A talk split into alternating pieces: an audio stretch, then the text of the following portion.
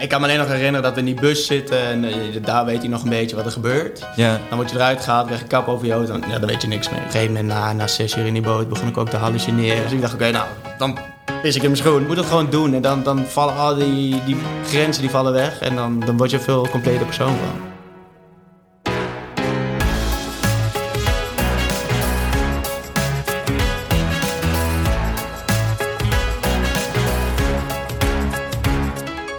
Hey beste luisteraar en welkom bij Young Ones, de podcast en ik jou meeneem langs de inspirerende verhalen van jonge ondernemers. Mijn naam is Sander Timmermans en ik ben ondernemer in de muziekindustrie.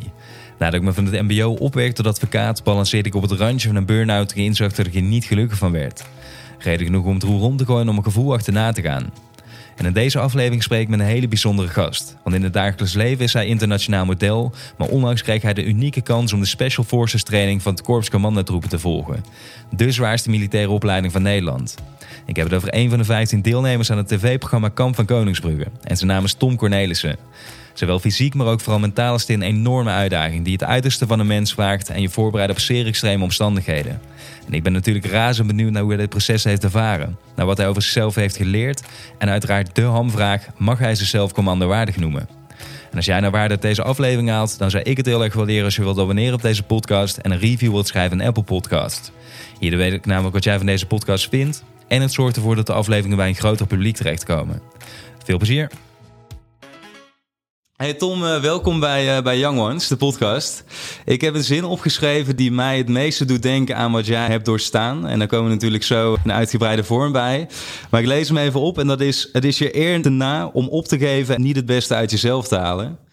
Dat is een zin die jij volgens mij heel vaak gehoord hebt een aantal maanden geleden. En die wel een beetje centraal staat voor het proces wat jij hebt doorlopen. Want jij bent een van de 15 deelnemers die hebben mee mogen doen aan uh, het tv-programma Kamp van Koningsbrugge. Klopt. Een televisieprogramma waarin uh, normale, dat zeg ik even tussen haakjes, burgers de kans krijgen om uh, het Special Forces traject van de het Korps Commando's uh, te doorlopen. unieke kans lijkt me. Je gaf het net zelf al aan van het is niet iets wat, wat je normaal gesproken even kan doen om te ervaren hoe het is. Nee. Dus om die kans te krijgen, dat is, ja, lijkt me heel waardevol überhaupt. En dat triggerde eigenlijk mijn nieuwsgierigheid om jou uit te nodigen om te kijken hoe dat allemaal is gegaan. Dus uh, vandaar. En het eerste wat ik eigenlijk wilde weten is hoe reageerde jouw omgeving erop toen je zei van hé hey jongens, ik ga meedoen uh, met dit televisieprogramma? Zo, ja, nou, ik uh, moet zeggen, mijn vriendin was een van de eerste die met de, met de oproep kwam. Dus die, die zei, oh Tom, ik kom naar Nederland, je moet je inschrijven. Dus ik had de Engelse versie gezien, samen met mijn vriendin. En ehm, toen zei ik, als het ooit naar Nederland komt, dan ga ik dit doen. Ja. Um, ik vond, ik vond het, de Engelse versie vond ik super vet om te kijken. En toen, uh, toen kwam naar Nederland en die oproep van Jeroen. Ik moet je zeggen, als zij hem niet had gestuurd, had ik hem denk ik niet eens gezien. Precies, dus ja. Zij, zij stuurde hem en toen dacht ik, oh ja, nu, nu ga ik me opgeven. En uh, dat heb ik eigenlijk gedaan, zonder het nog te vertellen aan andere mensen. Maar ja, je gaat eerst dat traject in van, uh, je, word je het überhaupt, mag je überhaupt meedoen? Ja, want je wordt helemaal gescreend, toch? Mentaal ja. en fysiek wordt er een, een compleet portret van jou gemaakt om te kijken van, hey, zou je überhaupt toelaatbaar zijn in dit programma? Klopt, klopt. Ja. Dus je krijgt eerst, je moet een filmpje opsturen met, uh, nou, ik ben Tom, uh, waarom wil je meedoen? Um, dan word je uitgenodigd op een gesprek, mag je het nog een keer doen. dan word je inderdaad fysiek en mentaal getest. Dus je krijgt een een fysieke test, dan moet je even fietsen, kijken of je hart en longen, alles in orde is. En uh, daarna nog een uh, gesprek met een psycholoog. Dus ja. dat je uh, mentaal goed in elkaar zit en dat je niet rare dingen doet op tv. En ehm, ja, dan gaat het beginnen eigenlijk. En toen ik wist dat ik mee mocht doen, toen, toen heb ik pas mijn ouders verteld. Ja. En eh, ja, ik, ik weet niet wat, hoe ze er echt over dachten. Ze vonden het spannend. Ze zeiden ook wel, ja, het is wel echt iets voor jou. En toen ik het ging doen, toen zei mijn moeder in het begin, zei ze ook van, oh, ik, ik weet niet of ik het ga kijken, ik weet niet of ik dat aan kan. Ja. Toen, ik, eh, toen ik terugkwam trouwens, en toen heb ik verteld dat ik allemaal heb gedaan, zei ze, oh, dat, ga ik, dat ga ik niet kijken hoor, dat kan ik niet, zei ze. Ja, ja. Dus uh, ja, die vond het wel spannend ook. Ja. Want hoe ben je normaal als persoon? Volgens mij, je komt op mij over als best wel rustige jongen, gewoon Zeker. in control. Waar, Ja. waar ben je opgegroeid bijvoorbeeld? Ik ben in Enschede opgegroeid. Ja, Ehm, dat is wat ik dacht te horen inderdaad. Ik zelf vaker in het programma van, hij heeft iets van, van die hoek of zo, maar ik kan niet klopt. helemaal thuis brengen. Maar Ja. Enschede dus. Ja, ik ben daar opgegroeid en ik ben... nou, helemaal rustige jeugd. Ben ik, zelf ben ik heel rustig, dus... eh, Ja. ehm, ik heb altijd wel bewijsdrang, dus ik wil altijd wel laten zien dat ik ergens goed in ben. En, eh, maar dat hou ik wel een beetje op de achtergrond. Dus ja, met mij spelletjes spelen, dan, dan wil ik altijd wel winnen, zeg maar. Ja. Ja, want je zegt van fysieke test, inderdaad, je bent normaal gesproken in het dagelijks leven onder andere model. Uh, en dat zie je ook wel aan je bouw van jouw fysieke gezondheid is volgens mij uh, behoorlijk uh, on point, kan je wel zeggen. Ja, ja. Heb je nog extra voorbereid voordat je het programma inging? Dat je toch dacht van nee, nog even een tandje erbij en, en kijken hoe... Zeker, ja. Kijk, modellenwerk is best wel... Je, je bent aan het trainen voor, voor hoe je eruit ziet. Ja. Dus ja, dat heeft niks te maken met kracht of uithoudingsvermogen. Of, dus dat heb ik zes jaar gedaan. Ja. Ja, toen wilde ik toch wel... Dat is ook wel een van de grootste redenen waarom ik mee wilde doen. Maar kijk, ik wilde toch even kijken, waar sta je eigenlijk? Want kijk, je traint elke dag. Uh, je ziet er op een bepaalde manier uit, maar wat kun je daar nou eigenlijk mee? Want ja, je kan er goed uitzien, maar als je niet sterk bent... of je kan er eigenlijk niks mee, ja, wat heb je er dan aan? Ja. En op dat punt was ik een beetje beland van... oké, ik wil wel eens even zien, wat kan ik zelf eigenlijk? En wat kan ik met het lichaam wat ik heb gebouwd de afgelopen paar jaar... En kan ik daar ook trots op zijn, zeg maar. Dus dat, dat wilde ik even testen. En bedoel je dan puur fysiek of bedoel je misschien ook van waar, wat kan ik nou eigenlijk van waar sta ik in het leven en hoe ver ben ik wat dat betreft als persoon misschien? Uh, of was het voor jou puur fysiek uh, vooral de uitdaging? Nee, nee, nee, nee, zeker niet. Nee, het was zeker uh, waar sta ik als persoon. Ja. Ik, ik, je doet modellenwerk en dat is best wel een wereldje waarin alles je nou, niet gegeven wordt, maar harder werken in de modellenwereld heeft niet per se invloed op hoeveel je werkt. Dus je kan keihard werken, maar je kan niet werken. Je kan, geen, je kan keihard sporten, je kan keihard alles doen voor, voor je werk, maar dat er niks uitkomt. Dat kan. Ja, ja. Um, dus dan is het moeilijk om jezelf, om ergens trots op te zijn. Zeg maar. Je kan niet ergens naartoe werken en iets halen. En ik had wel, ik had wel dat gevoel weer nodig van oké, okay, even iets waar je trots op kan zijn. Dus echt, Ja. echt iets echt voor werken en, ja, en, en dan daar gewoon kijken wat je kan en daar trots op kunnen zijn. En dat, dat Ja, was maar ik snap het wel wel, ja. beetje. Het is natuurlijk met modellenwerk, wat je zegt, zo stel ik het me dan voor, ik ben geen model, maar wat je zegt, je, je uiterlijk is je natuurlijk voor een groot deel gegeven. Dat is gewoon een, ja, vanuit je, je genen en, en hoe dat je bent ontstaan, om het zo te zeggen. Je persoon zit natuurlijk van binnen, dat is je, je hele karakter en hoe, je- hoe je je gedraagt eh, in allerlei omstandigheden. Dus ik snap wel wat je bedoelt van ja, dat je het gevoel misschien kan hebben dat je voor je modellenwerk natuurlijk los van je fysieke eh, staat, hoe dat je erbij bent, eh, wat minder daar echt voor hebt moeten doen, omdat je, dit is gewoon is wie jij bent. Ja, precies. Ja, Ja.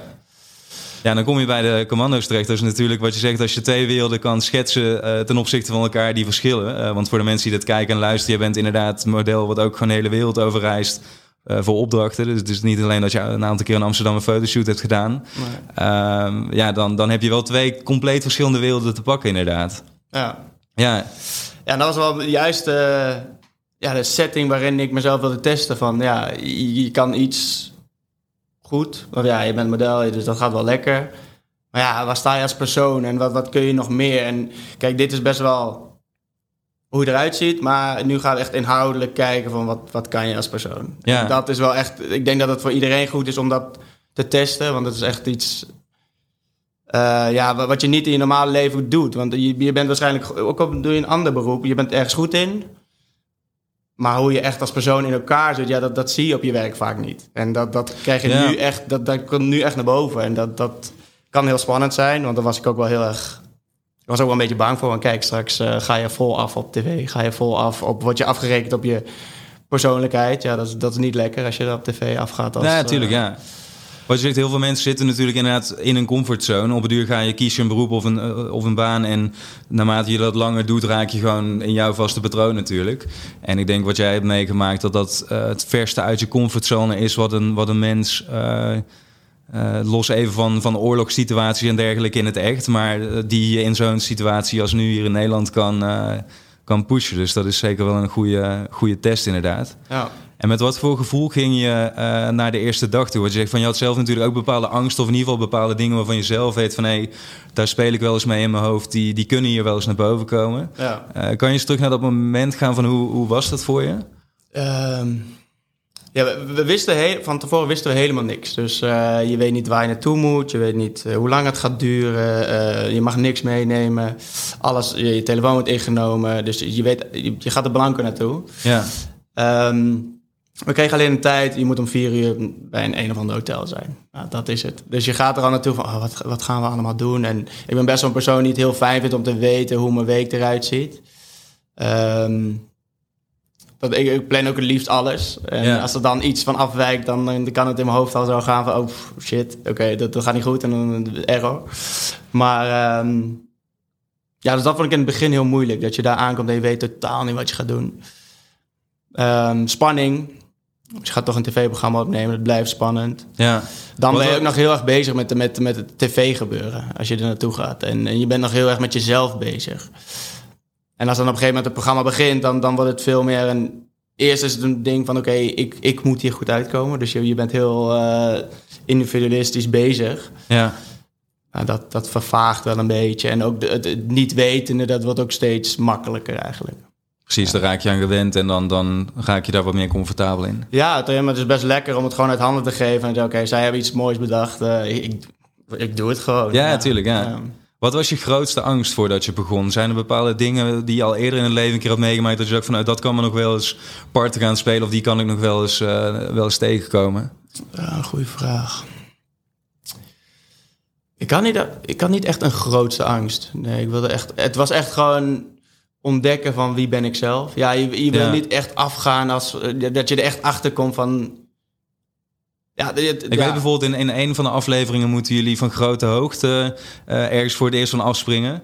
En eh, ik heb zelf ook hoogtevrees. Nou, dat was een of ander klein, eh, klein schamel bal- balkje op 20 meter hoogte of zo... waar je dan een sprong naar, richting een touw moest maken. Ja. En volgens mij was jij ook een van degenen die iets van hoogtevrees had of zo, toch? Klopt. Ja, Ja. oké. als, we, als we hebben, gewoon, gewoon angsten. Dan, dan was hoogte wel een van de dingen waar ik echt bang voor ben, was.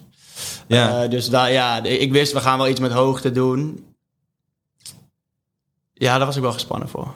Ja, Ja. wel- ja. Nou, meer Eh, omdat je hebt als mens gewoon bepaalde dingen. Wat ik zeg van, ik weet ook voor me, van mezelf bijvoorbeeld dat ik hoogtevrees heb. Dat is Ja. iets wat, ja, I don't know waar het vandaan komt. Maar je weet wel dat als ik bijvoorbeeld, ik stel natuurlijk, eh, terwijl ik het programma kijk, ook voor van, hé, hoe zou ik hier nou in reageren? En eh, nou, als zo'n onderdeel dan komt, dan weet ik wel van, ah ja, daar zit voor mij, los van überhaupt de zware proeven natuurlijk, maar dat is wel echt even een puntje waar je in je hoofd een klik moet kunnen maken. En dat zie je ook bij best wel veel deelnemers gebeuren inderdaad. Van bijna iedereen lukt het dan. Of nee, iedereen lukt het Ja. volgens mij op dat specifieke punt. Eh, vind ik wel interessant, want wat je zegt, je zit natuurlijk in die situatie ook met anderen, met een cameraploeg om je heen. En je bent daar eigenlijk om erachter te komen van wie ben ik als persoon en om over die grenzen heen te gaan. Ja. Eh, dus ik vond het heel tof om te zien dat iedereen het gewoon deed en ook vrij makkelijk vond ik. En daarna zei van ja, dit was gewoon vet. En de volgende keer dat ik tegen zo'n situatie aanloop, heb ik dit nu in mijn, in mijn box zitten, zeg maar. Ja. ja, en dat is het vooral. Het is, het is die tools bouwen, mentale tools bouwen van je kan dit wel. Ja. Dus het is echt even dingen als inderdaad hoogte. Dan heb je van tevoren, je zegt ook ik heb hoogtevrees. Ja, dan als je, als je op een gegeven moment moet en je, en je gaat over die, je gaat je, je ziet je angst onder ogen en je doet het gewoon. ja. Ja, dan gaat het best wel snel weg. Want ik zei ook altijd, ja, ik heb hoogtevrees en ik bevries helemaal als ik dat soort dingen doe. En dat blijkt eigenlijk helemaal niet zo te zijn. Dus heel veel dingen, ook het niet eten, het niet slapen, dat, dat zeg je van tevoren. Iedereen zegt tegen mij, ja, dat slapen, dat kan ik echt niet. Ja. Terwijl dat zei ik ook van tevoren, maar Hoe weinig sliepen jullie per nacht? Want ik heb me inderdaad wel eens afgevraagd... van slapen deze mensen überhaupt nog wel? Want het lijkt elke keer alsof het een half uurtje hier, een half uurtje daar is... en dan worden jullie weer opgetrommeld en... eh, dat was het ook. Ja, Ja. De, eh, de eerste nacht hebben we niet geslapen. Eh, ik denk dat een mooie post van Tom Oosterdijk, die heeft het op zijn Instagram gezet van hoeveel we nou eigenlijk sliepen. Ik weet niet meer precies, want op een gegeven moment is het één dag. Ja, dan weet je helemaal niet meer wat je aan het doen bent. ja. Dus we hebben denk ik de eerste vijf nachten hebben we vier uur geslapen in totaal. Precies. En daarna werd het wel, toen we naar die eh, tactische opleiding gingen, toen was het wel iets meer. Ja, je moet wel een beetje scherp zijn. Maar nog steeds veel te weinig. Ja, Ja. Als, je, als je ziet van, dat je drie uurtjes mag slapen, dat dat veel is. Ja, dat is Ja, bizar. dat zegt wel wat. Ja, En als je dan mij vraagt van tevoren, kan je dit? Ja, dan zeg ik nee, dat kan ik niet. Maar als je in die situatie zit, ja, dan... dan Wat voor invloed heeft dat gedurende de dagen op je? Wat gebeurt er zowel fysiek en mentaal met dat slaaptekort? Want even belangrijk voor de mensen die het programma niet hebben gezien... of die het wel hebben gezien, maar dan weten ze precies wat ik bedoel. Eigenlijk wat overal de hele tijd bij wordt gezegd door ehm, eh, eh, jullie... eh, hoe heet ze nou? Niet coaches, maar jullie trainers, Instructeurs. Ja. inderdaad. Ray en Dai. Die zeggen continu bij alles van... Ja, tuurlijk heb je weinig slaap. Want als je in een echte situatie zit... kan je ook niet even acht uur gaan tukken. En tuurlijk heb je pijn aan je voeten. Maar ja, als jij nog uit een vijandelijk gebied moet ontsnappen... dus continu wordt je eigenlijk die spiegel voorgehouden... van ja, natuurlijk is het zwaar... maar eh, in de realiteit zoals je... waar je als commando terecht kan komen... dan is het gewoon precies zoals het nu is. En dan nog erger eigenlijk. ja. Eh, is dat iets wat je dan ook scherp houdt en door die tijd heen trekt? Of hoe moet ik dat slaaptekort me voorstellen? Ik denk dat ze nu ook vooral het slaaptekort gebruiken als tool, omdat je natuurlijk maar acht dagen hebt. Ja. Als tool om mensen zo snel mogelijk de ware aard naar boven te, te halen. Want als jij moe bent, ja, dan ga je, dan, dat masker valt gewoon super snel af. Dus ik denk Ja. dat, dat dat is een van de belangrijkste redenen waarom ze dat doen. En dat gebeurt ook. Kijk, als jij eh, een paar nachten niet slaapt, dan weet je van jezelf waarschijnlijk wel, dan word je chagrijnig. Ja, dan, dan reageer je gewoon hoe je echt wil reageren. Dan ga je niet eerst nadenken, oeh, maar als ik dit doe, dan dat. Dan is het gewoon meteen, ja, die, je, je, je, ja, je lontje is veel korter. Dus Ja, ja. Dat, dat gebeurde ook op een gegeven moment. Veel irritaties onderling of juist niet? Want je moet toch een team zijn met z'n allen. Dus het lijkt me Nou, ook lastig. bepaal, je, je, we hebben één nacht moeten roeien. Ja. Zes en een half uur. En ehm, dat was op nacht. Moet ik even. Drie, denk ik. Nou, dan heb je dus al twee nachten niet geslapen. En dan ga je even een nacht roeien met z'n allen in een bootje. Nou, toen Ja. was het wel even... als er dan wat gebeurde, dan was het wel iedereen die meteen ontplofte. En eh, ja, er werd er wel een beetje heen en weer gescholden. Dat was inderdaad een één stuk door, toch? Jullie wisten niet hoe lang, hoe ver. Het was gewoon roeien, roeien, roeien. Roeien, roeien, roeien, ja. Ja, En dan denk je dat je er bent en dan is het niet zo. En dan, ja, dat, dat is allemaal, dat speelt gewoon allemaal in je hoofd. Oh ja, we zijn er. Oh nee, toch niet. Dus elke keer die teleurstelling. En dat, dat willen ze bereiken met die eindeloosheid. Dat je gewoon niet weet wanneer je stopt. En elke keer die teleurstelling moet verwerken van, oh kut, eh, we zijn er nog niet. En Went dat? Is dat iets waar je juist gedurende de tijd op het duur in een soort flow komt van ja, oké, ik weet het niet wat je eigenlijk aan het begin omschreven is van ik ben normaal in het dagelijks leven iemand die heel graag wil weten wat er allemaal gebeurt en waar, we naartoe, waar ik naartoe ga en, en dergelijke. Eh, Ben je daar op het duur in een soort staat gekomen van ja, oké, gewoon gaan en ik zie het wel? ja, zeker. Ja. ja, op een gegeven moment is het gewoon, ja, let's go, we gaan. En dat moet je ook wel voor jezelf creëren. Als je elke keer eh, gaat balen van, ja shit, eh, we moeten nog weer een stuk. Ja, dan haal je het echt niet. Ja, Het, het is ook gewoon verstand om nul en gaan. En sommige deelnemers waren er heel goed in.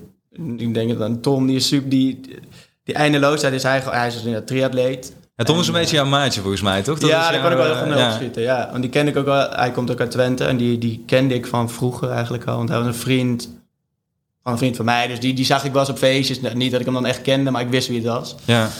En toen ik hem dus die ochtend zag staan en ik wist niet wie er mee zouden doen. Toen dacht ik, oh shit, die ken ik. Oh joh, ja, ja. En eh, hij kende mij ook, dus eh, daar hadden we meteen een klik. ja. En eh, tijdens het programma eigenlijk ook, waar fysiek wel oké allebei. Ja, en dan trek je toch een beetje met elkaar op. En ehm, ja, die, die en hij is, hij is gewoon grappig. Dus in die eindeloosheid, dan kan hij nog steeds een domme grap eruit gooien. Dat je, ja, oké, ja, dan lach je weer even en dan, dan kun je ook weer. Ja, ja. En dat, dat is heel belangrijk. Dus je moet in je hoofd echt wel goed zitten. En nou, als, je, als je het hebt over slaap, niet slapen en eh, roeien. Op een gegeven moment, na, na zes uur in die boot, begon ik ook te hallucineren en zo. Dus dat doet niet slapen ook met je. Dat je jij gaat dingen zien die er niet zijn. Eh, dus eh, toen dacht ik wel, oké, dit is wel echt een punt. Zover ben ik nog nooit geweest, zeg maar. ja. Dat je En hoe, hoe, wat doe je daar in je hoofd dan mee? Want ik kan me voorstellen dat voor heel veel mensen ook best wel beangstigend kan zijn. Of juist een, een soort signaal van oké, nou nu moet ik stoppen, want ik word gewoon gek in mijn hoofd. En op de een of andere manier zijn de mensen die hier wel doorheen komen dus in staat om, daar, om dan een plekje te geven en wel door te gaan. Ja. Nee, ja, voor mij, ik vond het best wel grappig eigenlijk. Want ja, je bent ook wel een beetje in een rare staat. Want je bent echt gewoon... Eigenlijk denk je nergens... Je bent gewoon aan het roeien. En eh, Ja, eigenlijk moet je ook nergens aan denken. Want als je gaat denken, oh, dit is zwaar, kut, ik heb pijn aan mijn benen. Ja, dat, dat helpt allemaal niet. Dus op een gegeven moment, eh, nou, let's go, we gaan gewoon. En dan begin ik nog dingen te zien die er niet zijn. Dus ik tik die gast voor me aan. Volgens mij was het Krijn. "Eh, Hebben ze dan nou een feestje? En dan- hij zo, ja, maar het is heel raar. We zijn in the middle of nowhere, het is super laat. Waarom is hier een feestje? Nee. En ik dacht op een gegeven moment dat ik overal al zag in zo'n stomerijrek zag eh, rondtollen. ja, En eh, hij ook zo, ja, ja, nee. En volgens mij vertelde hij laatst dat het- hij dacht dat het een slagerij was met allemaal dingen die hingen. En, Eh, joh, ja. en op een gegeven moment zit iemand links in de boot en zegt, jongens, dit zijn gewoon vlaggen. En op het moment dat hij zegt vlaggen, zie ik gewoon twee, perfect, gewoon twee vlaggen die aan het wapperen zijn voor me. En ik denk, oh shit. Ja, precies. Dus Ja. dan lach je erom en dan, dan ga je verder. Ja, het is een beetje, je, je gaat gewoon verder. Precies, Maar wel is super mooi om te zien. Wel, dat je op zo'n punt komt waar je nog nooit bent geweest. Dat je dingen gaat zien die er niet zijn. Ja, Ja, natuurlijk. dat Ja, is wel mooi om, om, te, om te leren, ja. Ja, als je het over grenzen opzoeken hebt, dan heb je er daarheen eh, Ja, ja. behoorlijk te pakken. En ik zag zelfs dat mensen gewoon letterlijk zittend in slaap vielen en omver eh duikt op die boot. Dus dat is wel, eh, toont wel aan hoe diep je dan zit inderdaad. Ja, zware nacht. Zeker. En ander zwaar moment eh, waarbij ik zelf ook dacht van... oh shit, nu wordt het echt serieus. En ik ken dat inderdaad wel al vanuit dat Engelse programma... wat je in het begin uh, omschreef, uh, is de gijzelingssituatie. Dat is een situatie waarin jullie dus uh, als het ware door vijandelijke troepen... als het ware gegijzeld worden genomen... in een busje worden gesmeten, geblinddoekt en wakker worden in een hele surrealistische situatie met allerlei stroboscopen en rare geluiden om je heen. Um, lijkt mij een bizarre situatie om mee te maken. Ook weer over die mentale druk gesproken. Van ja, erger dan dat kan het bijna niet worden. Want je ziet niks, je hoort alleen maar harde geluiden. Ze gooien volgens mij water over de vloer waar je zit. Waar zat jij toen en met wie, met wie zat je? Weet je dat nog? Um, nee, ik kan me alleen nog herinneren dat we in die bus zitten. En uh, daar weet hij nog een beetje wat er gebeurt. Ja. Dan word je eruit gehaald, krijg je kap over je hoofd. Dan, ja, dan weet je niks meer. Je weet niet wie er naast je staat. Je weet niet hoeveel er nog zijn. Want ze, ze lieten ook de hele tijd mensen uh, nep stoppen. Dus dan zeg je oké, okay, en dan zegt iemand ook, ik stop ermee. Maar dat was dan gewoon een van de instructeurs of zo die dat zegt. Dat jij oh, denkt, joh. oh, er zijn al mensen die hebben zich al, ze hebben opgegeven. En volgens mij doen ze dat ook om dan een beetje, als eenmaal één iemand stopt, dan, dan volgen er meer. Zeg maar, volgens mij is dat het idee. Maar je weet niks. Nee, je staat er echt met jezelf in je eigen hoofd. Dus dan moet je echt jezelf rustig houden en zorgen dat je niet gek wordt, niet, niet te veel aan de pijntjes denkt, niet aan... Uh, wat de rest doet en wat er om je heen gebeurt. Ja. En ik ben wel... Hoe lang zaten jullie daar uiteindelijk? Hoe lang heeft dat... Uh, we hebben daar zes uur gezeten. Zes en een half uur. Zes uur, ja. Ja. ja. Nou, ik moet je zeggen, ik was best wel... Um, van tevoren heb ik heel erg op dat mentale aspect geoefend. Of in ieder geval onderzoek gedaan naar hoe, hoe ga ik dit doen. Want ik dacht, fysiek ben ik wel oké, okay, maar dat, dat kan nog een beetje bijschaven. Ja. Maar mentaal weet je gewoon niet wat je te wachten staat. En ik heb wel heel veel podcasts geluisterd over hoe Navy SEALs bijvoorbeeld dat doen. Dus de Amerikaanse Special Forces. Dus ik heb heel veel podcasts van die gasten geluisterd. En... Kun je daar eens iets over vertellen? Van wat heb je eruit gehaald? Wat je toen hebt meegenomen om, om toe te passen? Ja, het belangrijkste is eigenlijk dat ik... Uh, ik ben van tevoren best wel een traject ingegaan. Het is niet alleen dat programma dat je heel veel over jezelf leert. Maar ook daarvoor heel erg. Want ja, je begint onderzoek te doen naar... naar um, persoonlijke ontwikkeling. Dus hoe ben, word ik mentaal sterker? En dan die boeken van de Navy SEALs. Ik heb boeken gelezen van die, van die Engelse gasten van uh, Who Dares Wins. Ja, ja. Nou, daar zit al uh, van die Ann Middleton die, die, die al over de fear bubble praat. Van oké, okay, je hebt angst, maar dat moet je een plekje geven. En nou, daar leer je dan wat over. Maar het belangrijkste wat ik heb geleerd is um, ademhaling en positiviteit. Dus ik heb heel erg gelet op ademhaling. Uh, door je neus ademen, heel, eigenlijk altijd. Ja. Zorg dat je rustig blijft. En positiviteit. Dus je moet eerst ademhaling onder controle, dan positiviteit. En dan kom je heel ver. En dat, dat leerde ik van tevoren.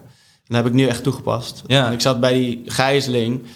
Je hebt een soort patroon wat je kan ademen. Dus vier seconden in, vier seconden vast, vier seconden uit, vier seconden vast. En dat heb ik nou, die hele gijzeling gedaan. Precies. Dus dan ben je bezig met jezelf in je hoofd. Ademen.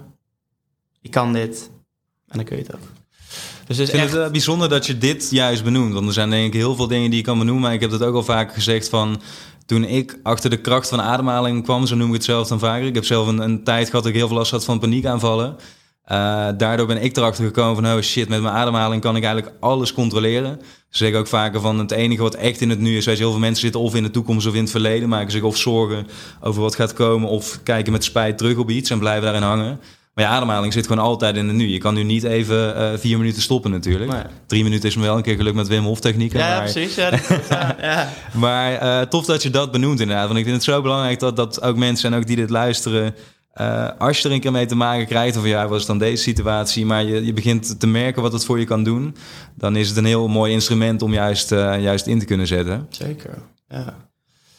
Ja, ik denk, als je vooral um, van die podcast luistert over hoe belangrijk ademhaling is, dan, dan ga je heel veel leren. En ik denk helemaal als je iets zoiets gaat doen als zo, iets wat zo uitdagend is, dan dat houdt dat je gewoon, dat aard je gewoon en dat houdt je rustig. En ik moet zeggen, daar heb ik wel heel veel uh, houvast aan gehad. Ja. Ja, wat mij daarnaast ook opviel, want dit kun je inderdaad van tevoren een beetje voorbereiden, zoals je zegt. In ieder geval, uh, je kan er iets aan voorbereiden. Maar tijdens die gijzeling werden jullie ook nog een aantal keer door die vijandelijke troepen, als het ware, uh, eruit gehaald en in een ondervragingssituatie geplaatst. Eh, en dat gaat er dan ook echt aan toe zoals je dat verwacht. Daar worden niet, eh, zoals hier, een aantal eh, aardige vragen aan je gesteld. Nee. Ehm, maar wat jij daar wel had, als een van de weinigen, was de manier waarop je reageerde. Weet ik ook nog dat eh, die instructeurs zeiden van... Hey, dit doet hij heel natuurlijk. Je bleef op een bepaalde manier juist heel kal- kalm. Mhm. En wist net de juiste informatie te geven om ervoor te zorgen dat de situatie niet escaleerde. Maar ook zodat jouw reden waarom je daar zogenaamd in dat vijandelijke gebied was, niet eh, werd geopenbaard. Dat is denk ik gewoon puur instinct waarop je dan handelt, toch? Ja. Dat kan je niet even... Nou, je kan van tevoren wel eh, je inlezen hoe je, hoe je, wat je wel en niet moet doen natuurlijk. Heb ik niet gedaan. Ik dacht, laat het gewoon er maar afkomen, want dan, ja, dan handel je ook gewoon hoe je bent als persoon... in plaats van dat je via een boekje gaat handelen. Ja, Maar ik moet je zeggen, dat, dat, ik heb daar niet heel veel over nagedacht. Ja, dat is gewoon hoe ik het heb gedaan. En daar ehm, zat verder niet heel veel een idee achter of zo.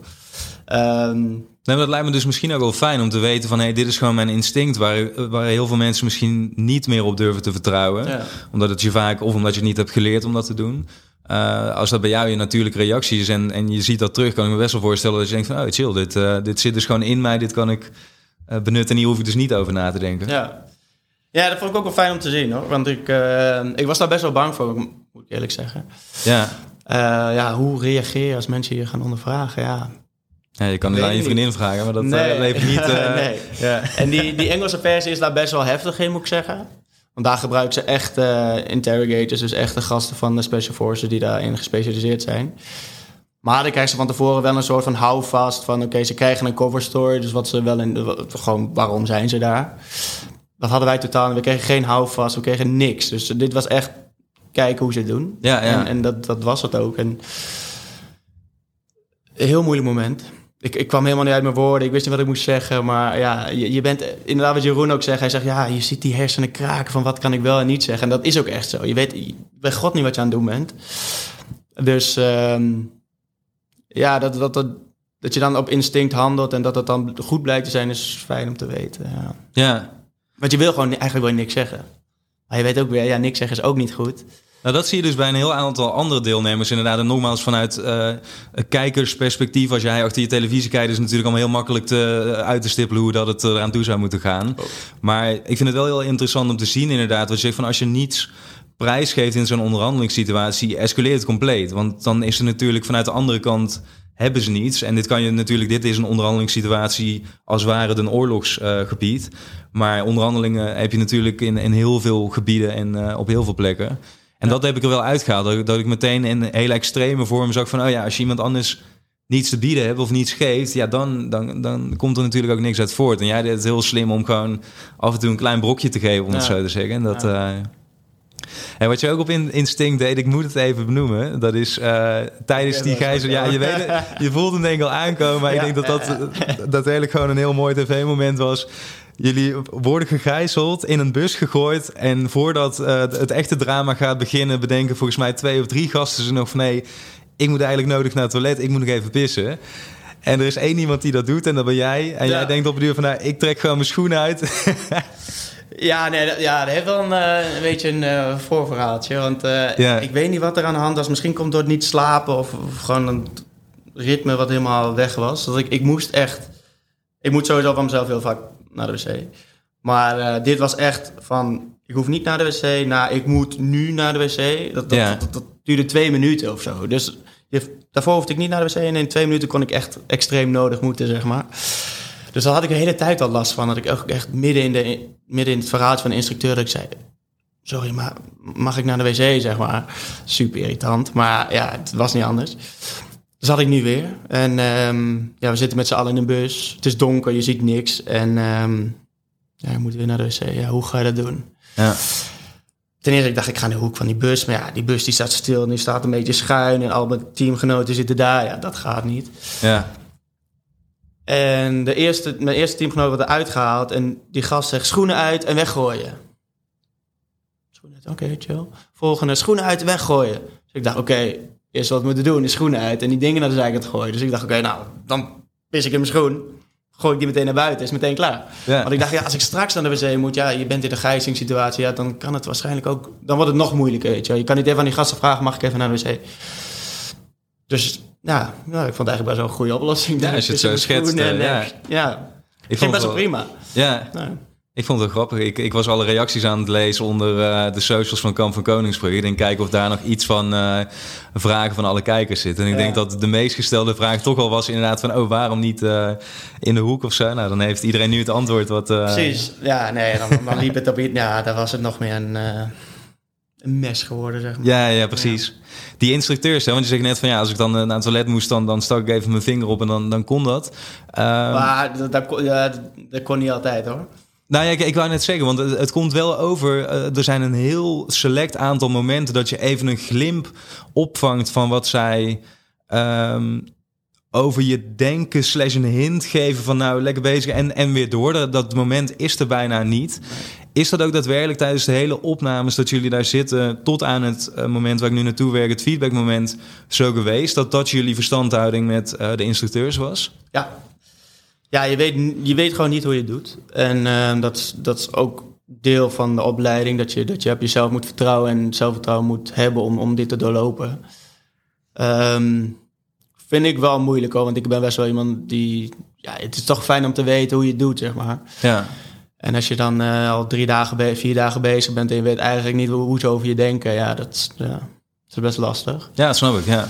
En um, ja, de, de verstandhouding was wel, zij zijn de instructeurs, wij moeten gewoon luisteren. En uh, er zit best wel een hiërarchie in van... oké, ja, je moet ook gewoon luisteren naar die gasten. En dat doe je ook wel. Ja. Want het zijn niet zomaar... Het is niet dat uh, een Pietje van de straat even wat komt vertellen, zeg maar. Het, is nee, wel, natuurlijk, uh, ja. het zijn wel echt commando, oud-commando's die weten waar ze het over hebben... en die, die ook dingen zien die jij, waar jij misschien helemaal niet over nadenkt. En dat, dat, ja, dat maakt het nog spannender eigenlijk. Want zij zien dingen die wij niet zouden zien. Dus als jij denkt, oh, ik ben goed bezig, dat zij dan iets hebben van, oh, je bent helemaal niet goed bezig, want je doet dit en dit en dit niet. Ja, ja. Nou, ik denk dat het meest, meest schrijnende moment wel uh, was van een krijn natuurlijk. Die daar zijn, letterlijk zijn jongensdroom als een zeepbel uh, doorprikt ziet worden. Op het moment dat de instructeurs tegen hem zeggen van... Hey, hier stopt het voor jou. Ja. We hebben dit, dit en dat opgemerkt. Uh, en dan zie je eigenlijk ook wel hoe, hoe raak de vinger op de zere plek wordt gelegd. Dat ze het dus wel echt zien ook inderdaad. Ja, daar hebben we het later nog over gehad van hier, zij kunnen echt jouw zwaktes of ja, zwakke punten kunnen ze echt blootleggen. Terwijl misschien heb je dat zelf helemaal niet door. Maar als, als zij dan vertellen, oké, okay, je bent hier en hier niet zo goed in, dan snap je wel waar ze het over hebben. Ja. En ik denk, ja, ik denk dat het voor heel veel mensen best wel goed is om een keer zo'n gesprek te hebben met, uh, met een Ray bijvoorbeeld, of met een Ray en daar. Ja, die, die zien dingen die jij niet ziet en die, die leggen dat bloot. En dat is heel pijnlijk, kan heel pijnlijk zijn. Wat hebben ze bij jou gezien? Wat hebben ze benoemd waarvan jij dacht van, oh shit, die, uh, die is wel raak? Um, ja, ik had best wel het gevoel dat ik van tevoren, ja, je weet niet waar je staat als persoon. En ik ben best wel iemand die in een groep niet het hoogste woord heeft. En, maar dat ik wel soms de leiding zou willen nemen. En kijken of ik dat ook kan. En toen zei ze, nee, dat moet je niet doen. Uh, laat dat maar over aan Dennis of aan mensen die, die, die dat goed kunnen. Ja. En toen dacht ik ook wel, ja, hebben ze wel gelijk in. Maar ja, toch wil ik, wil ik wel laten zien wat ik zelf kan. Dus daar staat even een puntje. En voor de rest was het best wel positief allemaal. Ze hadden op het bord geschreven, we mogen hem wel. En uh, ja, dat, dat, dat zegt wel wat. Ja, en uh, dat, ik, dat ik een puur mens was. Een van de puurste die erbij was. En dat, dat was wel mooi om te horen. Want uh, ja, het is toch fijn als, als je je karakter beoordelen als puur. Zeker. Nou, zeker. Dat uh, denk je dat ook, want we begonnen natuurlijk uh, in het begin met een beetje situatieschets van hé, hey, waar kom je vandaan? Wat ik zei, je bent nu model, je woont in Amsterdam, maar je komt uit Enschede. Mm -hmm. Hele andere omgeving natuurlijk. Wat ik zei, ik, ik ben in Limburg opgegroeid, dus ook heel anders dan waar ik nu uh, me begeef. Is dat denk, iets, denk je iets wat je ook vanuit daar hebt meegenomen, wat je ook in die modellenwereld altijd wel een beetje op het rechte pad uit, gewoon van hé, hey, ik ben, ben, gewoon wie ik ben, ik doe mijn ding. Um, en ja, ik ga daar niet een soort luchtbel van, van creëren of zo? Nee, ja, ik denk dat je... Als je uit Enschede of uit Twente komt, ja, zijn nuchtere mensen. Ik denk dat het Brabant hetzelfde is. Dat ik heb ook Brabantse vrienden en daar kan, daar kan ik gewoon heel snel heel goed mee. Er zit toch wel een dingetje tussen ja, de, de Randstad en, en daarbuiten, zeg maar. Dat is best wel... Uh, nou, gewoon kan, waar, waar je vandaan komt. Dus houd me geaard. Want ik ging vroeger altijd lekker naar Enschede terug. En dat vind ik ja. nog steeds super lekker om dat te doen. En dat aard je wel en dat houdt je normaal wil ik niet zeggen, maar je, je, raakt niet zo snel onder de indruk van, van, van heel veel dingen. Precies, ja. En uh, ik denk dat ja, hoe ik ben opgegroeid uh, heeft daar zeker mee te maken dat ik zo ben eigenlijk. Ja. Nou, een fijne basis om te hebben, toch? Ja, dat, dat, is, ja denk ik. Ja. Uh, Wat, wat is denk je een eigenschap, of wat, wat heb je gezien bij andere deelnemers die op een gegeven moment af zijn gevallen, ehm, die ze de kop heeft gekost, om het zo te zeggen? Want jij krijgt natuurlijk veel meer mee dan wat ik bijvoorbeeld als kijker zie. Want het zijn alleen maar de fragmenten die, die even voorbij komen van iemand. Maar jij hebt die mensen continu daar uh, meegemaakt totdat ze dus uh, uh, het kamp moesten verlaten. Ja. Zijn er dingen je opgevallen dat je dacht van, oh ja, maar doordat je bijvoorbeeld deze eigenschap...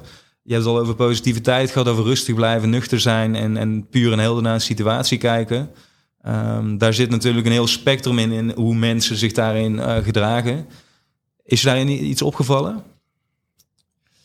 Ja, kijk, ik kwam. Ik, denk dat het vooral te maken heeft met ik en het wij-gevoel, zeg maar. In het begin kom je echt aan van: oké, ik, ik ga dit even doen. Ik moet hier presteren. Ik, ik ga dit uh, doorlopen. En dan moet heel snel een bijgevoel worden. Dat is ook wat ze willen. En als je blijft hangen in: oké, dat, dat, dat, dat, meer ik-gevoel van, van ja, eh, heel ja, individualisme kost je de kop, wil je eigenlijk precies, zeggen. Ja, dus dat, dat, dat, dat is iets waar je heel snel vanaf moet. En ik denk dat het logisch is als je daar aankomt, dat je daar nog denkt van oké, eh, ik wil dit als individu doen. En ik, ik, ja, dat is ook zo. Maar dat, dat moet heel snel veranderen. En als je daarin blijft hangen, dan is het snel over. Ik denk als je dat ook ziet bij de gesprekjes van Jonathan bijvoorbeeld. Dat hij zegt van ja, ik plaats mezelf boven de groep zodat ik de groep kan dienen. Dat klinkt heel mooi. Als je dat tegen, bijvoorbeeld, als, ik, als je dat tegen mij zegt, dan kan ik daar nog iets in vinden. Van oké, als jij goed die wil, ik ook goed de groep dienen, zeg maar. Ja. Maar als je dat tegen een commando zegt, ja, die kan dat niet hebben natuurlijk. Ja, die ontplofte redelijk. Maar ik moet wel zeggen, dat was ook een punt waarop ik wel dacht van ik, ik begrijp überhaupt dat de bewoording en ook in de, in de taal die daar gebezigd wordt natuurlijk totaal verkeerd binnenkomt. Maar ik heb ook wel eens, toen, toen hij dat zei, dacht ik wel van ja, wat ze vaker zeggen van ja, je moet eerst jezelf lief hebben voordat je anderen iets kan geven. Ik, ik zat even in die context te denken. Toen dacht ik van oh, ik begrijp volgens mij wel waar je vandaan komt. Alleen ja, hoe dat het hier nu op tafel wordt gelegd is natuurlijk uh, totaal niet handig. En je ziet het ook later wel, moet ik zeggen, dan wat je zegt, jullie zitten daar natuurlijk met die club en die wordt steeds kleiner, maar je bent dag en nacht met elkaar en doet alles met elkaar. Dus er is ook op heel weinig momenten ruimte of plek voor een ik-figuur daar. Ja. Um, dus ja, ik, ik snap hem wel inderdaad. Maar ik, ik moest daar toen even aan denken dat ik wel dacht van nou, volgens mij bedoelt hij iets in de zin van ja, als ik zelf niet uh, iets kan bijdragen doordat ik me goed genoeg voel of zo, dan, ja, dan kan ik de groep ook niet ondersteunen. Nee, ja, ik, ik, ik, het ook wel, ja. Ja, als je, ja commands worden zo gedrild van oké, groep boven het ik, ja. boven het individu. En dat, uh, dat kon hij even niet hebben. Nou, als je dan hebt over andere Ja, heel veel mensen zijn ook best wel afgevallen op, op fysieke dingen. Dus je moet fysiek goed in elkaar zitten. En hopen dat je geen blessures krijgt. Ja, en daarna komt dan op karakter en uh, hoe je als persoon in elkaar zit. Ja. En als ik dan kijk naar een Krijn, ja, super sterk gast. Dus ik zie als leek, zeg maar, zie ik een sterke gast en die doet het dan best goed. Maar wat een commando dan ziet, of wat een Rena daar ziet, dat is heel anders. En ja. dat, dat, dat werd er nu vertaald en hij had het zelf ook niet door. Ik herkende hem in, moet ik zeggen. Ik weet nog toen dat ik advocaat wilde worden. Ik, heb, uh, ik ben op het mbo begonnen. Heb me helemaal naar boven gewerkt, omdat ik ook een soort ideaalbeeld had. Wat, wat ik bij Krijn ook wel heel erg in zijn ogen zag. En toen ik eenmaal bijna daarboven stond en doorkreeg hoe het allemaal was, maar ook andersom... Uh, uh, bleek het op een gegeven moment zo te zijn dat mensen zeggen: ja, je, kan het heel goed, weet je wel, je zou het heel goed kunnen. Ik heb het ook een tijd gedaan, advocatuur, maar zeg maar, de, de, de, complete klik was er niet vanuit beide kanten. Want je maakt jezelf een soort ideaalbeeld natuurlijk als je ergens naar, naar onderweg bent, een bepaald doel hebt gesteld. Mhm. En andersom is die wereld, naarmate je er steeds meer in komt, is natuurlijk ook anders. Want eh, je kan dat van tevoren niet helemaal inzien. En dat had ik bij hem ook een beetje. Dat ik zag van ja, je hebt het helemaal in je, in je hoofd natuurlijk gemaakt tot, tot de droomwereld die je uh, hoopt dat het is. En nu blijkt dat niet zo te zijn, maar alsnog heb je natuurlijk ontzettend veel, heeft ook hij eruit kunnen halen. Want is tot, tot bijna het einde gekomen. Ja. Uh, dus dat vond ik wel dat ik dacht van, nou, dit zie je bij veel mensen die, die kosten wat kost iets willen wat ze weet, zich ten doel hebben gesteld. En dat je dan op een gegeven moment misschien ook moet kunnen leren accepteren, wat ook natuurlijk weer een vaardigheid is om te denken van ja, oké, dan is dit misschien niet ultimately uh, wat ik wil gaan doen. Maar het hele traject daar naartoe, zover ben je wel gekomen, kan je op zoveel dingen toepassen verder. Ja, ja dat is, ik denk dat het inderdaad de route naartoe leer je al zoveel van. Maar dat is voor Krijn natuurlijk, hij is zo goal-oriented dat hij dat, hij dat, dat, ja, dat is moeilijk om te accepteren. Ja, natuurlijk. Ja. Naar huis moet. En dat snap ik wel. Als je er zoveel voor hebt gedaan, dat je dan niet het einde mag halen of niet het einde kan halen. Dat is, ja. Ja. Heel puur, uh, puur moment inderdaad. Ik vind Ja, het mooi, mooi ja, hoe, hoe raar het ook klinkt, maar mooi om te zien, omdat iemand er met zoveel passie in zit. eh, dat, dat, dan gun je hem natuurlijk om het gewoon compleet, eh, compleet te halen. Maar anderzijds de eerlijkheid en zeker wat je bij, bij het commando, korpscommando's, is er geen ruimte om iemand even... eh weet je, of zo ook, nou ga maar door, want het was je grootste droom. Is gewoon, je kan het of je kan het niet. Ja. En dan eindigt het op een bepaald moment voor jou. Zijn er ook dingen ehm, die jij hebt opgemerkt of, of die je in dat traject hebt meegemaakt... waarvan je zegt van, want voor jou was het vooral een persoonlijke uitdaging natuurlijk, een persoonlijke test. Eh, het was niet jouw ultieme droom om ooit commando te worden. Eh, zijn er ook dingen waarvan je zegt van, hé, hey, dat vond ik minder... of dat zou ik zelf in mijn eigen leven... ehm, ja, niet, niet zozeer toelaten of als een goede eigenschap voor de normale maatschappij zien. Ik even nadenken wat we allemaal hebben gedaan.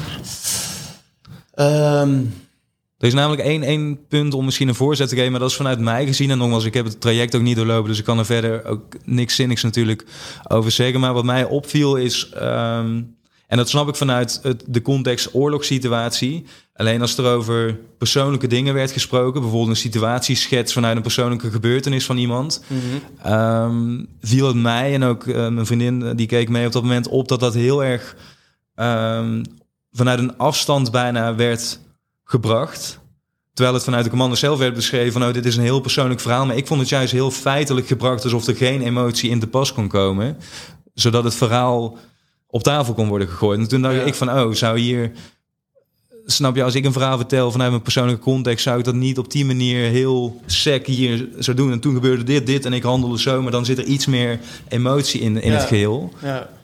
ja, ik denk dat het voor commanders moeilijk is om emotie te tonen, denk ik. Want dat is wel iets... Ze, ze zien natuurlijk dingen die wij als gewone mensen niet zien. En daar moeten ze wel mee dealen. En ik denk dat ze daar wel een mechanisme voor hebben om dat te doen. En Ja. ik denk dat dit vooral een van die mechanismes is van... oké, wat is er feitelijk gebeurd? Zonder daar echt gevoel bij te hebben. En als je het dan hebt over dingen die, die je in normale leven niet zo snel zou doen... is dit inderdaad wel eentje van. Ja, de- maar om te dealen met de dingen die je ziet en doet... ik denk dat je daar wel soort van mechanisme voor moet hebben... om, Ja. om dat te kunnen doen.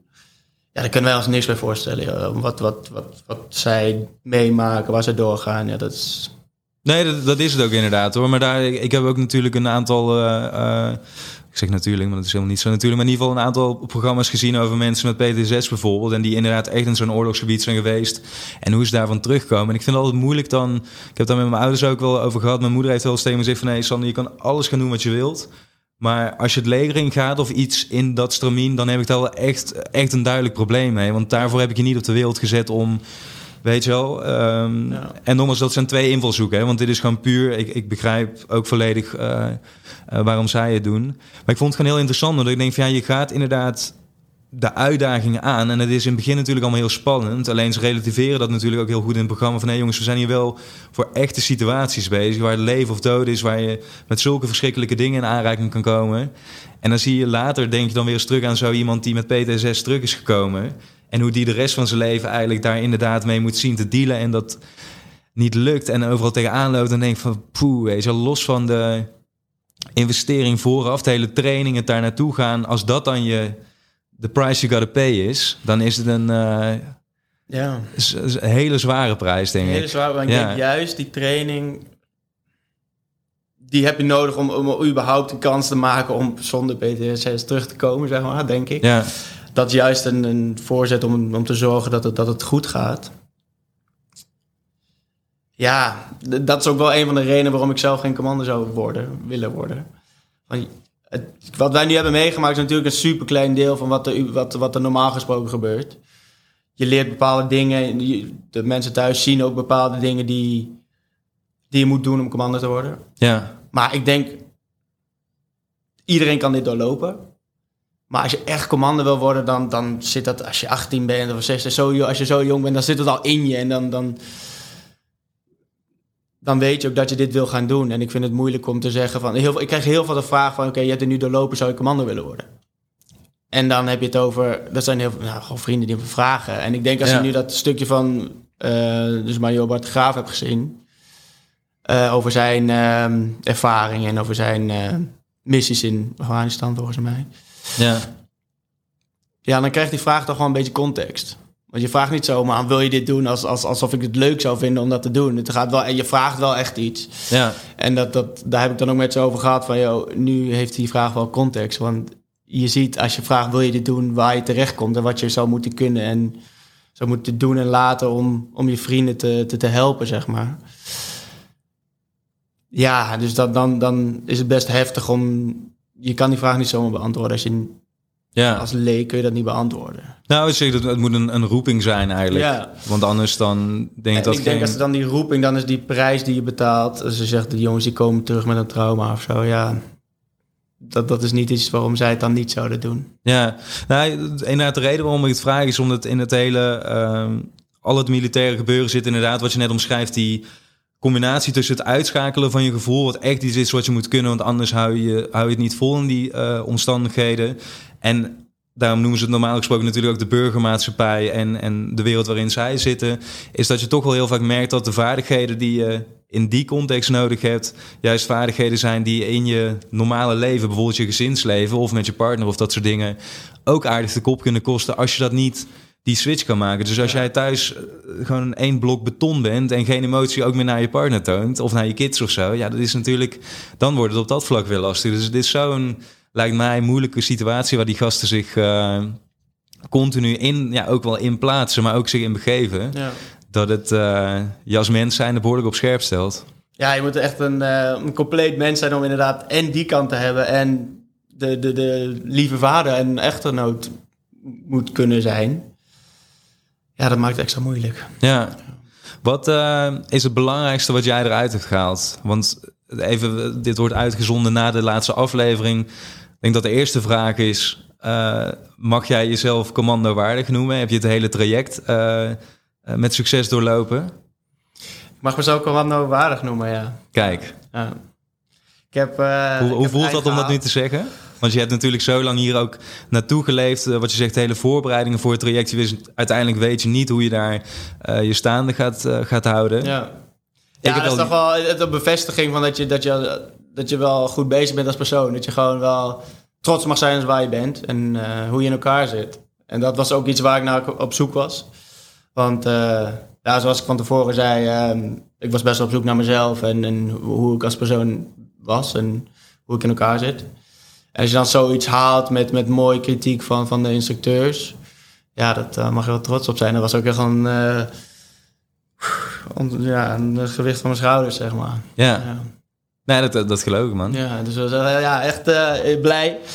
Heel erg trots. Ehm, ja, op het eind zie je je ouders en die, eh, die mijn ouders en vriendin kwamen ophalen. Ja, Die zie je in tranen en helemaal emotioneel. En dan denk je ook, ja, je hebt wel wat neergezet, zeg maar. Het is niet zomaar dat je dit even hebt gedaan of zo. Dus Ja. dat... eh, Hoe ging dat moment? Kan je daar eens naar teruggaan? Want dan, ik stel me dan voor dat jullie zeg maar, in je overal compleet uitgeleefd, moe, maar ook inderdaad vervuld van blijdschap en trots dat, dat het selecte groepje waarmee je eindigt eh, het heeft gehaald. En dan Ja. sta je ineens oog in oog met je normale leefomgeving waarin je altijd hebt begeven natuurlijk, die dat totaal niet weten wat je hebt meegemaakt. Ja. Ja, je, je bent dus klaar met die missie. Je, je doet een eindmissie. Ehm, ben je klaar en dan word je, word je opgehaald door de helikopter.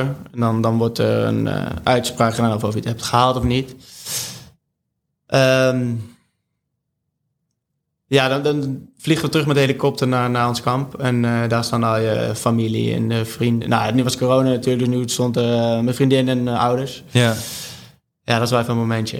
Wij zitten nog helemaal in ons militaire ritme, dus wij staan er nog steeds zo. We mogen niet kijken, want daar staat je familie en daar staat de instructeur. En dan ja. kijk je de instructeur aan en toen zegt Jeroen ook... Jongens, jullie mogen gewoon naar ze toe. Hè? Want wij staan nog helemaal wachten tot de startschot gegeven wordt. Ja. We moeten luisteren naar de instructeur. en als dat dan wordt gegeven, en daarna is echt... eh, kun je gewoon babbelen met de instructeurs. En eh, ja, dat, dat, dat is wel even goed om te doen. En gewoon ontlading, emotie. ja natuurlijk Ja, je bent die hele week ben je ook gewoon in één stuk doorgegaan. En nu mag je eindelijk even relaxen. Ja. En eh, een mooi moment. Wat was het belangrijkste wat je over jezelf hebt geleerd? Want je zegt, ik wil, wilde weten waar ik stond eh, als persoon zijnde. Ehm, nou, dat, dat heb je aardig eh, op de proef gesteld, denk ik. Eh, ik had me daar geen intensere manier voor kunnen voorstellen. Nee. En ik kan me ook niet voorstellen dat je dan niet nu zoiets hebt van oké, dus dit, zeg maar, dit zit er goed, hier zou ik nog iets mee kunnen, dit heb ik hier uitgehaald? Nou, in het begin was het best wel zoeken naar mezelf. Dus dan was het echt van, ja, hoe modellenwerk wil ik dit nog altijd doen? En ja, je hebt toch echt een bevestiging nodig. En die heb ik nu. En dus nu sta ik veel rustiger in het leven van, oké... ja, ik, ik weet daarvoor ben je toch een beetje onrustig en zoekende. En nu is het wel, oké, ik heb wat gepresteerd. Ik kan gewoon uitdagingen aangaan en die gewoon overkomen, zeg maar. Ja. En ja, het heeft me gewoon een veel zelfverzekerde persoon gemaakt. Die gewoon nu weet hoe hij in zijn schoenen staat en wat hij wel en niet kan. En als we het dan hebben over dingen die, die ik niet kan, is dat ik um, ja, moet leren met, met, met leiderschap omgaan. Dus ik, ik wil het nog steeds doen. Ik wil nog steeds iets meer leiderschap, uh, vaardigheden leren. Ja. Um, maar voor de rest weet ik dat het best wel goed zit eigenlijk. En uh, dat is best wel dat is heel fijn om te weten. Um, en vooral dingetjes als ik kan iets niet. Ik ben bang voor dingen. Uh, ik kan niet met hoogtes omgaan. Ik kan niet, niet slapen. Ik kan niet, uh, niet eten, zeg maar. Dat, dat, is allemaal weg nu. En ja. ik denk dat het voor heel veel personen, wat ik al zei, van als jij iedereen zegt ik kan het slapen, dat kan ik niet. Totdat je het zelf doet. En dan kom je eigenlijk best wel achter dat je het wel kan. En ja, dat soort dingen. Die, dus al die aannames die je van tevoren hebt gedaan, dit kan ik niet. Ja, die, kun je, die, die moet je testen. En dan, dan kom je erachter dat, het best wel, dat je ze wel kan. Dus ook met hoogte, je moet dat testen. En dan kom je erachter dat het, dat het prima dat je dat prima aan kan. Dat je eigenlijk niet zo bang bent voor hoogtes. Ja. Dus dat, dat is het een beetje. Je, je limiteert jezelf best wel met dingen zeggen als ik, ik kan dit niet en ik ben bang hiervoor. En dus dat heb ik nu wel geleerd. Je, je, moet het gewoon doen. En dan, dan vallen al die, die grenzen die vallen weg. En dan, dan word je een veel complete persoon van. Ja, dus eigenlijk wat je zegt is, en, en dat wordt natuurlijk heel vaak gezegd, alleen ik denk in deze context dat het niet duidelijker kan zijn voor iemand. Uh, want je kan het visueel maken door dit programma te kijken. Uh, maar is de, het mentale spel, de, de beperkende gedachten die je heel vaak in je hoofd hebt, en die heeft iedereen. Um, om daar de baas over te worden, dan ben je eigenlijk de baas over alles. Want dan kan je alles aan en, uh, en doen wat je wilt. Mooi gezegd. Ja, maar dat, dat is ja, het ook ja. zo. Ja, en dat, dat heb ik echt heel erg geleerd bij dit programma. Je kan zoveel meer dan dat je zelf denkt. Ik denk dat het mooie van dit uh, programma is, dat is wat ik zei van de reden dat ik jou uh, uitnodigde. Uh, los van dat ik je een heel toegankelijk persoon ook in het programma vond. Ik dacht van nou, lijkt me leuk om jou een keer te spreken. Maar is ook omdat dit programma op zo'n goede manier inzagen in een proces geeft. Want wat je zegt, het kan goed gaan of fout gaan. In die zin zou fout dan zijn dat je er binnen een uur uit ligt. Natuurlijk wat je niet, niet hoopt als je hier aan deelneemt. Maar als je alleen dit had doorlopen en we hadden dit niet kunnen zien en je had nu tegen mij gezegd, ja, ik ben een commandowaardig persoon, denk ik, ja, oké. Dat zegt me heel weinig. Alleen omdat je nu als kijker gewoon visueel doormaakt, wat jij ook, uh, uh, die transitie die in jou is omgegaan, uh, kan je er zelf ook heel veel uithalen. En kan je dat zelf natuurlijk ook op andere niveaus in je leven, want inderdaad niet iedereen kan, krijgt de kans om die training te volgen. Nee. Maar ik denk dat het des te meer uh, waarde heeft dat iemand die dat wel heeft gedaan, vanuit eigen ervaring kan zeggen van hé, hey, die, die drempels die je allemaal in je hoofd hebt, uh, die zijn er eigenlijk niet, die vorm jezelf. Ja. Ik sprak laatst een uh, fotograaf die zit in een rolstoel en daar heb ik ook een kort interview mee gedaan en die zei precies hetzelfde. Hij zegt van vanuit de ogen van veel mensen ben ik beperkt. Maar hij zegt, ik zie juist dat heel veel andere mensen beperkt zijn en dat zit allemaal hier tussen de oren. En ja, dat vond ik wel, die was ook wel raak. Toen dacht ik inderdaad van ja, dit is wel continu waar de crux in zit. En het zwaartepunt ligt van, van waarom mensen dingen wel of niet doen. En uh, dat je na een aantal jaren of met trots terugkijkt op uh, de dingen die je hebt gedaan in het leven, of met spijt van waarom heb ik ze niet gedaan. Ja. Thanks Tom. Ik vond het uh, tof om je ervaring te horen, om meer context nog bij jouw proces in dit programma te krijgen. Uh, uiteraard uh, ontzettend uh, of van harte gefeliciteerd met het succesvol doorlopen van het programma. Dankjewel. Ik, ik had niet direct verwacht toen ik deze podcast begon dat ik binnen een aantal maanden voor iemand die zichzelf commando waardig kan noemen zou zitten. Dus ook voor mij een, een unicum. Ja. En thanks, ik vond het heel erg leuk. Jij bedankt, ik vond het ook leuk. Ja, en nog even die laatste aflevering Yes, thanks dat je was en luisterde naar deze aflevering met Tom Cornelissen. Ik vond het ontzettend inspirerend om te horen hoe hij dit traject heeft beleefd. En zodra er een tweede seizoen van Kamp van Koningsbrugge komt, dan ga ik me zeker weten inschrijven. En in de volgende aflevering praat ik met Nederlands grootste internationale fitness-YouTuber en zijn businesspartner. Maar liefst 300.000 mensen kijken wekelijks naar zijn video's. En samen bouwen ze aan het grootste online fitnessplatform van Nederland. Wil jij nou als eerste op de hoogte zijn van deze aflevering? Dan kan je abonneren op deze podcast via het platform waarop jij het liefst luistert. En ik zou het heel erg fijn vinden als je mij wilt laten weten wat je van deze podcast vindt. Wat je kan doen door een reactie achter te laten op socials, het Young de podcast. En door een beoordeling te schrijven in Apple Podcast. Dus laat van je horen en tot de volgende aflevering.